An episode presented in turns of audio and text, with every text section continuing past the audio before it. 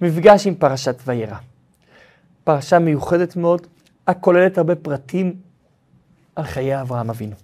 תחילת הפרשה, אברהם אבינו אחרי הברית מילה. אברהם אבינו חולה, כואב לו. הקדוש ברוך הוא לא ריפא אותו קודם כדי שירגיש את הכאב בבשר, כדי שהמצווה תהיה שלמה. אבל השם מרחם עליו, ולא שולח לו אורחים כדי להקל עליו קצת מהכאבים. אבל אברהם אבינו בלי אורחים לא יכול. אברהם אבינו מידת החסד, ויום שאין בו אורחים, אברהם אבינו לא מרגיש טוב. אז אברהם אבינו יוצא החוצה ויושב על פתח האוהל. הוא נמצא בלוני ממרא, והוא מחכה לאורחים. והקדוש ברוך הוא בעצמו מתגלה לאברהם אבינו.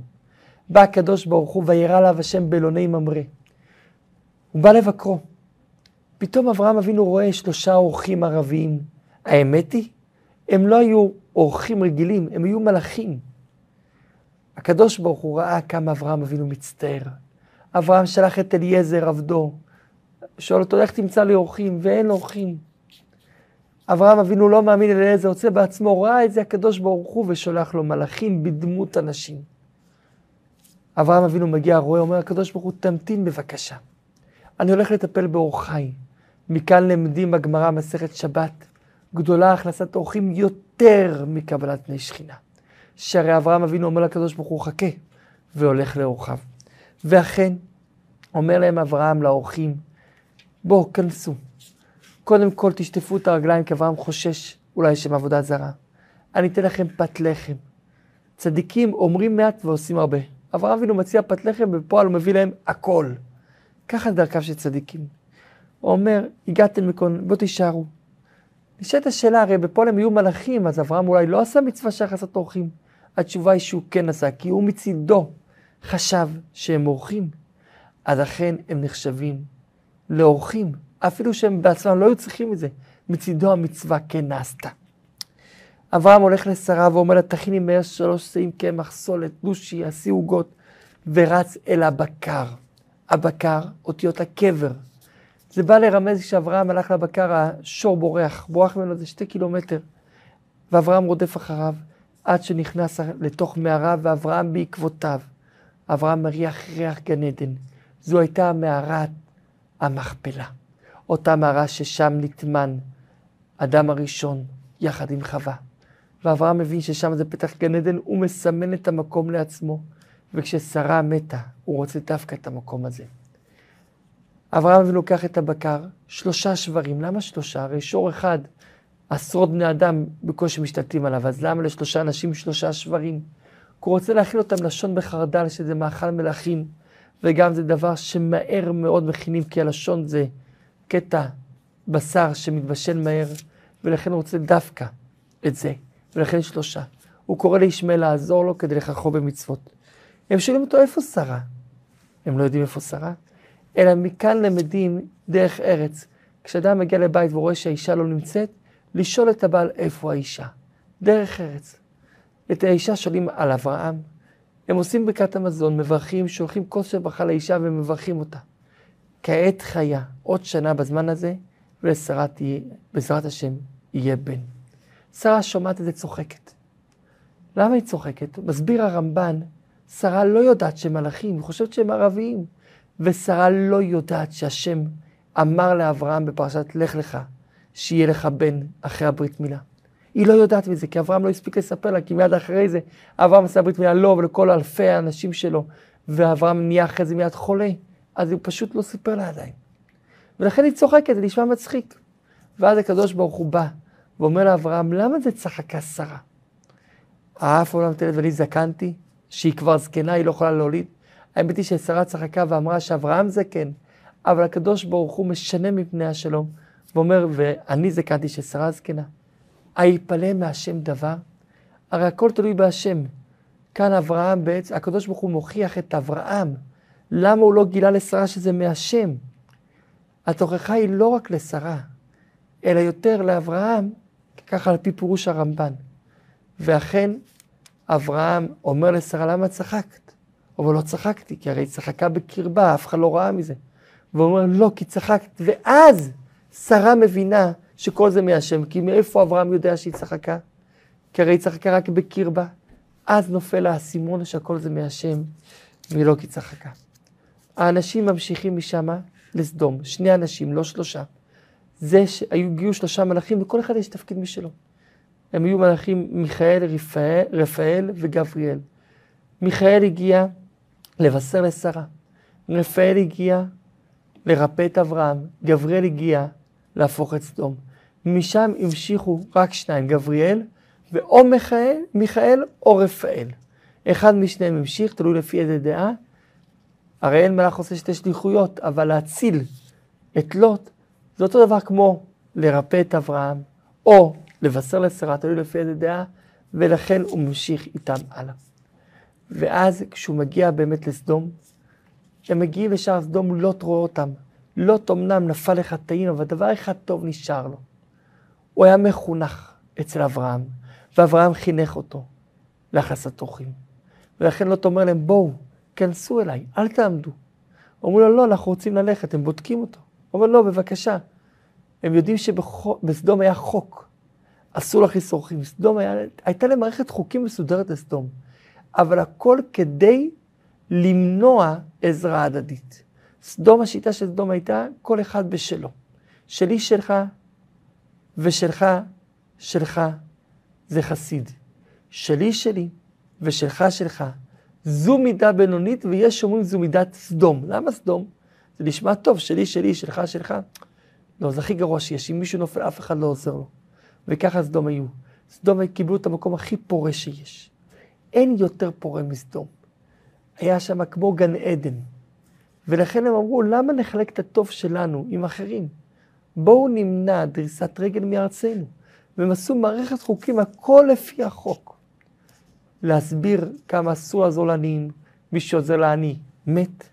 הייתה אישה אחת, נערה אחת, יש אומרים שזו בתו של לוט, שהיא ראתה איזה עני, והיא רחמה עליו. הם היו מביאים לעניים כסף, והיו רושמים על הכסף את השמות האישיים שלהם. אבל היו אוסרים למכור לחם למי שלא מקומי. וככה לא היה לו איך לממש את הכסף, לא היה לו איך לקנות. היא ראתה את זה, והסליקה לעני בתוך כד מים ריק לחם, וכשהיא הייתה הולכת לשאוב, היא הייתה משליכה את הלחם מהכד, מגיעה למים, שואבת מים וחוזרת חזרה. אנשי סדום רואים שאותו עני לא מת, החליטו לעקוב אחריה. לעקוב אחריו, ורואים אותה. לוקחים אותה, מורחים אותה בדבש. מגיעים הרבה דבורים, שימו אותה על חומת העיר, עד שהיא נופחת את נפשה בייסורים גדולים מאוד. ועל זה אמר הקדוש ברוך הוא, זעקת סדום ועמורה כי רבה. אותה נערה מסכנה, זעקת סדום ועמורה הגיעה כבר עד הקצה. ואכן, הקדוש ברוך הוא מחליט להפוך את העיר. והקדוש ברוך הוא אומר, מה, אני אסתיר את זה מאברהם, את מה שאני עושה? והרי אברהם יהיה עוד גוי גדול. וישאלו, מה, הוא לא הגן? לא רק זה. הארץ, הרי הבאתי לו, הארץ היא שלו. אני חייב להודיע לו. והקדוש ברוך הוא מודיע לאברהם, ואברהם אומר, אולי יש שם חמישים צדיקים. אתה תהפוך בעד החמישים? לא. אולי יהיה ארבעים וחמישה. למה? כי יש חמש ערים בסדום. בכל עיר תשעה צדיקים, ויחד עם הקדוש ברוך הוא עשרה. גם לא. אולי יש. וככה הוא יורד עד עשרה. וראה שאין, אברהם עוצר, מבין שאין ברירה. והם מגיעים אכן לסדום. לוט מציע להם לבוא להתארח אצלו. זה היה מבחן ללוט, איזו זכות, שאולי בזכות, בזכות זאת נציל אותו, כי הרי הוא אחיין של אברהם. ובזכות זה שהוא אחיין של אברהם, וגם בזכות זה שכשהוא היה במצרים, הוא לא פתח את הפה ואמר שאברהם משקר כביכול, כשהוא אומר שהיא אחותו. והוא האח האמיתי של שרה, והוא יכל לקבל את כל הכסף לבד, והוא לא פתח את הפה על אברהם, לכן לוט ניצל. המלאכים מתעקשים, אבל לוט מתעקש יותר, ובסוף המלאכים מגיעים ללוט. כל אנשי העיר שומעים את זה, הם מגיעים כולם, ואומרים, תביאו לנו אותו, אנחנו רוצים לעשות בהם עבירה. לוט מתעקש שלא, מציע להם את הבנות שלו, אבל האנשים מתעקשים שלא, ואנשים יוצאים, רוצים להיכנס לבית, לקחת את המלאכים. לא תציע להם החוצה. המלאכים מכים את כולם בסנוורים, מכניסים את לוט פנימה, כולם נהיים עיוורים, ואז אמרו לו, תקשיב טוב, בוא נצא מן העיר, כי בבוקר השם יהפוך את העיר. מי אתה רוצה להציל פה? בנות שלך, בנים שלך, הבנים הכוונה היא לנכדים, כי לילות לא יהיו בנים. נציל מן העיר. לוט הולך לשתי בנותיו הנשואות, לנכדים שלו הם לא רוצים לצאת, לא מאמינים. הולך לשני החתנים המיועדים, לשתי בנותיו שבבית, גם הם לא רוצים לצאת. בלית ברירה, הוא יוצא, הוא, אשתו, לאשתו קראו עירית, ולשתי בנותיו. יוצאים החוצה, המלאכים מזהירים אותם לא להסתכל אחורה. אבל אשת לוט לא מתאפקת ומסתכלת אחורה. והיא נהפכת להיות נציב מלח. יש בזה מסר.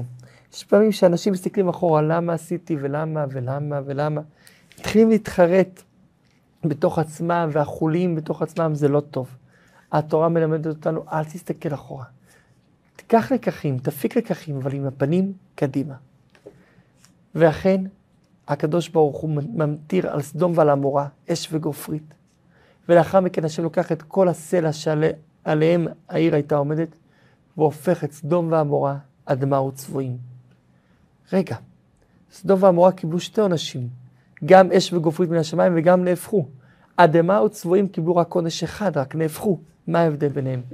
סדום ועמורה היו רעים גם להשם וגם בין בני אדם. איך אנחנו יודעים את זה? מסביר הרבי מלובביץ' משהו נפלא.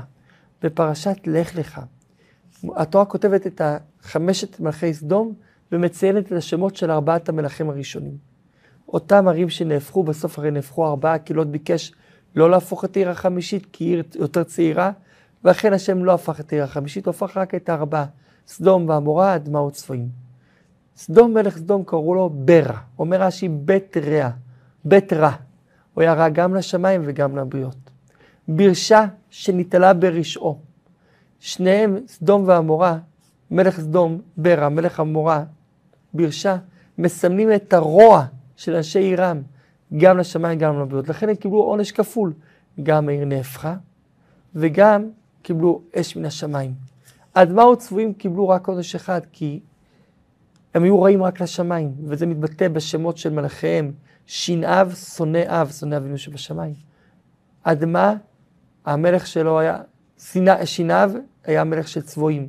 אדמה, המלך שלו קראו לו שם עבר, שם עבר למרוד באבינו שבשמיים.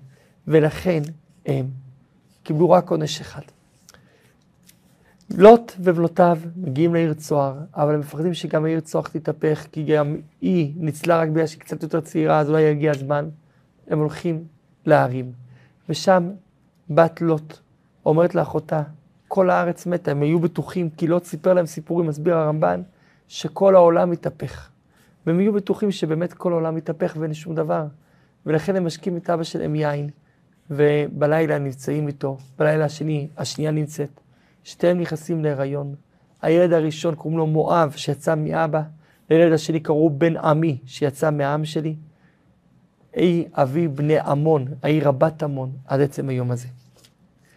אברהם שומע את הסיפור הזה ואברהם עוזב את האזור. למה יש בזה כמה סיבות? סיבה ראשונה, מהבושות. לא תהיה דומה לאברהם, אחיין של אברהם, גיסו של אברהם, בעל בנותיו, עוזב את האזור.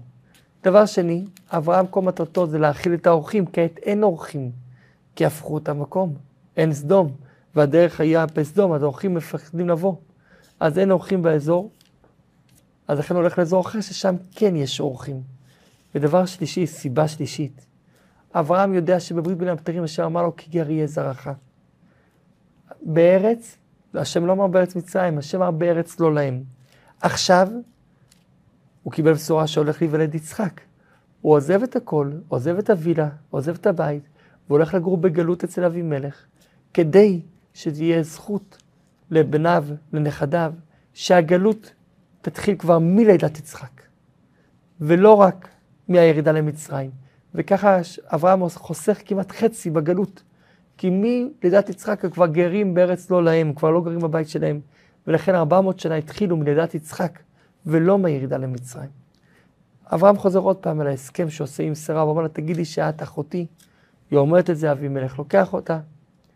אברהם אומר שהיא אחותו, אבימלך לוקח אותה, אבל אבימלך לא מצליח להתקרב אליה, כי השם עושה להם עוצר מיוחד, אין יציאות בכלל מהגוף, אי אפשר להתקרב אליה. אברהם מבין שקורה פה משהו, אברהם שואל מה זה. אבימלך שואל מה זה את אברהם, למה לא אמרת לי? שהיא אשתך, אומר אברהם, מה אתה רוצה? יש מקום כזה ששואלים דבר ראשון על האישה, פחדתי.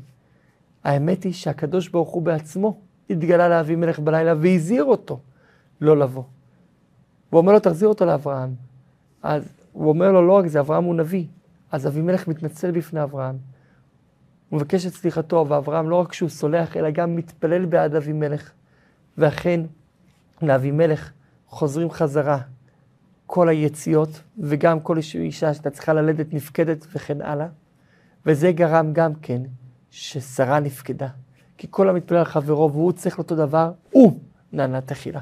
ושרה אכן נפקדת, ונולד יצחק. ביום שנולד יצחק הייתה שמחה גדולה בעולם. כולם שמחו. כולם שמחו. אנשים לא האמינו ששרה בת 90 שנה תלד. אז הקדוש ברוך הוא עשה נס מיוחד, ושרה העניקה את כולם, ושרה עשתה חגיגה גדולה מאוד לנשים, וכולם הביאו את הנשים, את התינוקות שלהם, ושרה העניקה את כולם. אברהם עושה משתה גדול ביום יגמל את יצחק. מגיעים שם שם, עבר. מגיע לשם גם כן אבימלך שבינתיים חזר בתשובה. מגיע שם אוג וכולם יושבים יחד ושמחים. יש דעה שזה היה בגיל שנתיים, יש דעה שזה היה בגיל שלוש, יש דעה שאפילו בגיל שלוש עשרה. וכולם עושים שמחה גדולה. אוג מלך הבשן גם הוא היה שם. ואוג מלך הבשן אומר, מה, אני מועך את הילד הזה בשנייה אחת ולא יהיה המשך לאברהם, לא יהיה מי שימשיך להבין ולהגיד בכל אחד. אבל הקדוש ברוך הוא אומר חייך, בסוף הם יהרגו אותך. ואכן בסוף זרעו של יצחק, שזה משה, הוא זה שהרג את עוג מלך הבשן. בינתיים, ישמעאל גדל, ישמעאל כבר בן 16, וישמעאל מתחיל להתעסק בעבודה זרה, בגלוי ערבה, בשפיכות דמים. הוא מתחיל גם כן לריב עם יצחק, הוא אומר ליצחק, אני שווה יותר ממך, לי עשו ברית מילה בגיל 13, כשהייתי בקרה, לך לא. והוא אומר, בכלל, אני אקבל שתי שליש, אתה רק שליש. שרה רואה שהוא לוקח את יצחק למקום לא טוב. והיא אומרת, גרש אותו מפה, גרש אותו מפה. אני לא רוצה שהוא יירש עם הבן שלי, עם יצחק. לאברהם זה היה קשה, זה הבן שלו. זה היה קשה גם לשמוע עליו דברים לא טובים וגם קשה עצם העובדה, הוא שואל את השם. השם אומר לו, עזוב, מה ששרה אומרת שמה בקולה, אומר הרבי, בענייני חינוך אין מקום לפשרות. אם הילד מתחיל להינזק, שם המקום להיעצר. כל זמן שהילד לא מושפע לרעה, בסדר. אבל ברגע שהילד מושפע לרעה, מישהו מושפע עליו לרעה, צריך לחתוך את זה באותו רגע. ולכן אברהם שולח משם את ישמעאל. הוא לוקח את הגר, שם את ישמעאל השכמה כי ישמעאל נהיה חולה, שם לה לחם ומים והם הולכים לדרך. הגר מחליטה לחזור חזרה לעבודה זרה. ואז הילד נהיה חולה. היא שולחת אותו. לא אמא יהודייה. אמא יהודייה לא הייתה עוזבת את הילד לרגע. אבל היא שמה אותו והולכת רחוק כדי לא לראות את הילד מת, לא לראות את הילד סובל. הקדוש ברוך הוא מתגלה להגר ואומר לו, למה עזבת אותו? היא אומרת, נגמרו המים. אומרת, אומר לה הקדוש ברוך הוא, על ידי המלאך, השם שמע לתפילת הנער, הוא התפלל. כרגע הוא עדיין לא רשע, השם שופט לפי הרגע. לכי תחזרי ותראי שם מים. ואכן היא חוזרת, ומוצאת שם מים וישמעאל חי. את אברהם הקדוש ברוך הוא מברך. ואומר הקדוש ברוך הוא לאברהם, הבן שלך האמיתי זה דווקא יצחק, כי ביצחק יקרא לך זרע. אברהם עושה ברית שלום עם אבימלך. לאחר מכן עוברים שנים, הרבה שנים. יצחק כבר בגיל 38. והאלוקים ניסה את אברהם. השטן אומר, כל הניסיונות שעד עכשיו אברהם עשה, הכל זה לא ניסיון ששובר את האידיאולוגיה של אברהם, אלא ניסיון שתומך אידיאולוגיה. תן לו ניסיון אחד שיהרוס לו את האידיאולוגיה. נראה אם הוא יעמוד בזה או לא יעמוד בזה. גם יצחק עצמו, היה לו הרי ויכוחים עם ישמעאל, וישמעאל היה מתגאה, הנה אני עשיתי ברית מילה. יצחק אמר, אני, אם הקדוש ברוך הוא יגיד לי לעקוד עצמי, אני אעקוד את עצמי.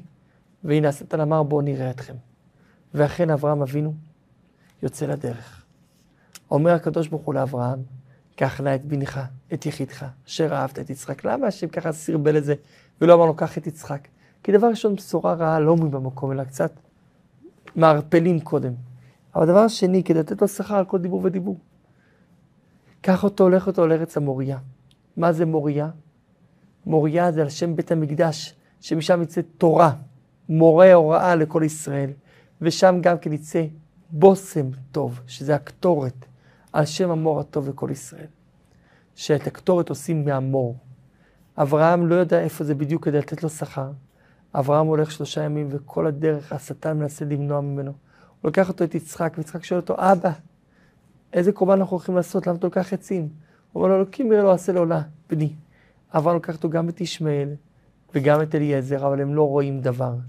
יצחק ואברהם כן רואים את הענן, אז אברהם מבין ששם זה המקום, הוא משאיר אותם, הוא ממשיך ללכת, הוא בונה מזבח, עורך עצים, מעלה את יצחק על גבי המזבח.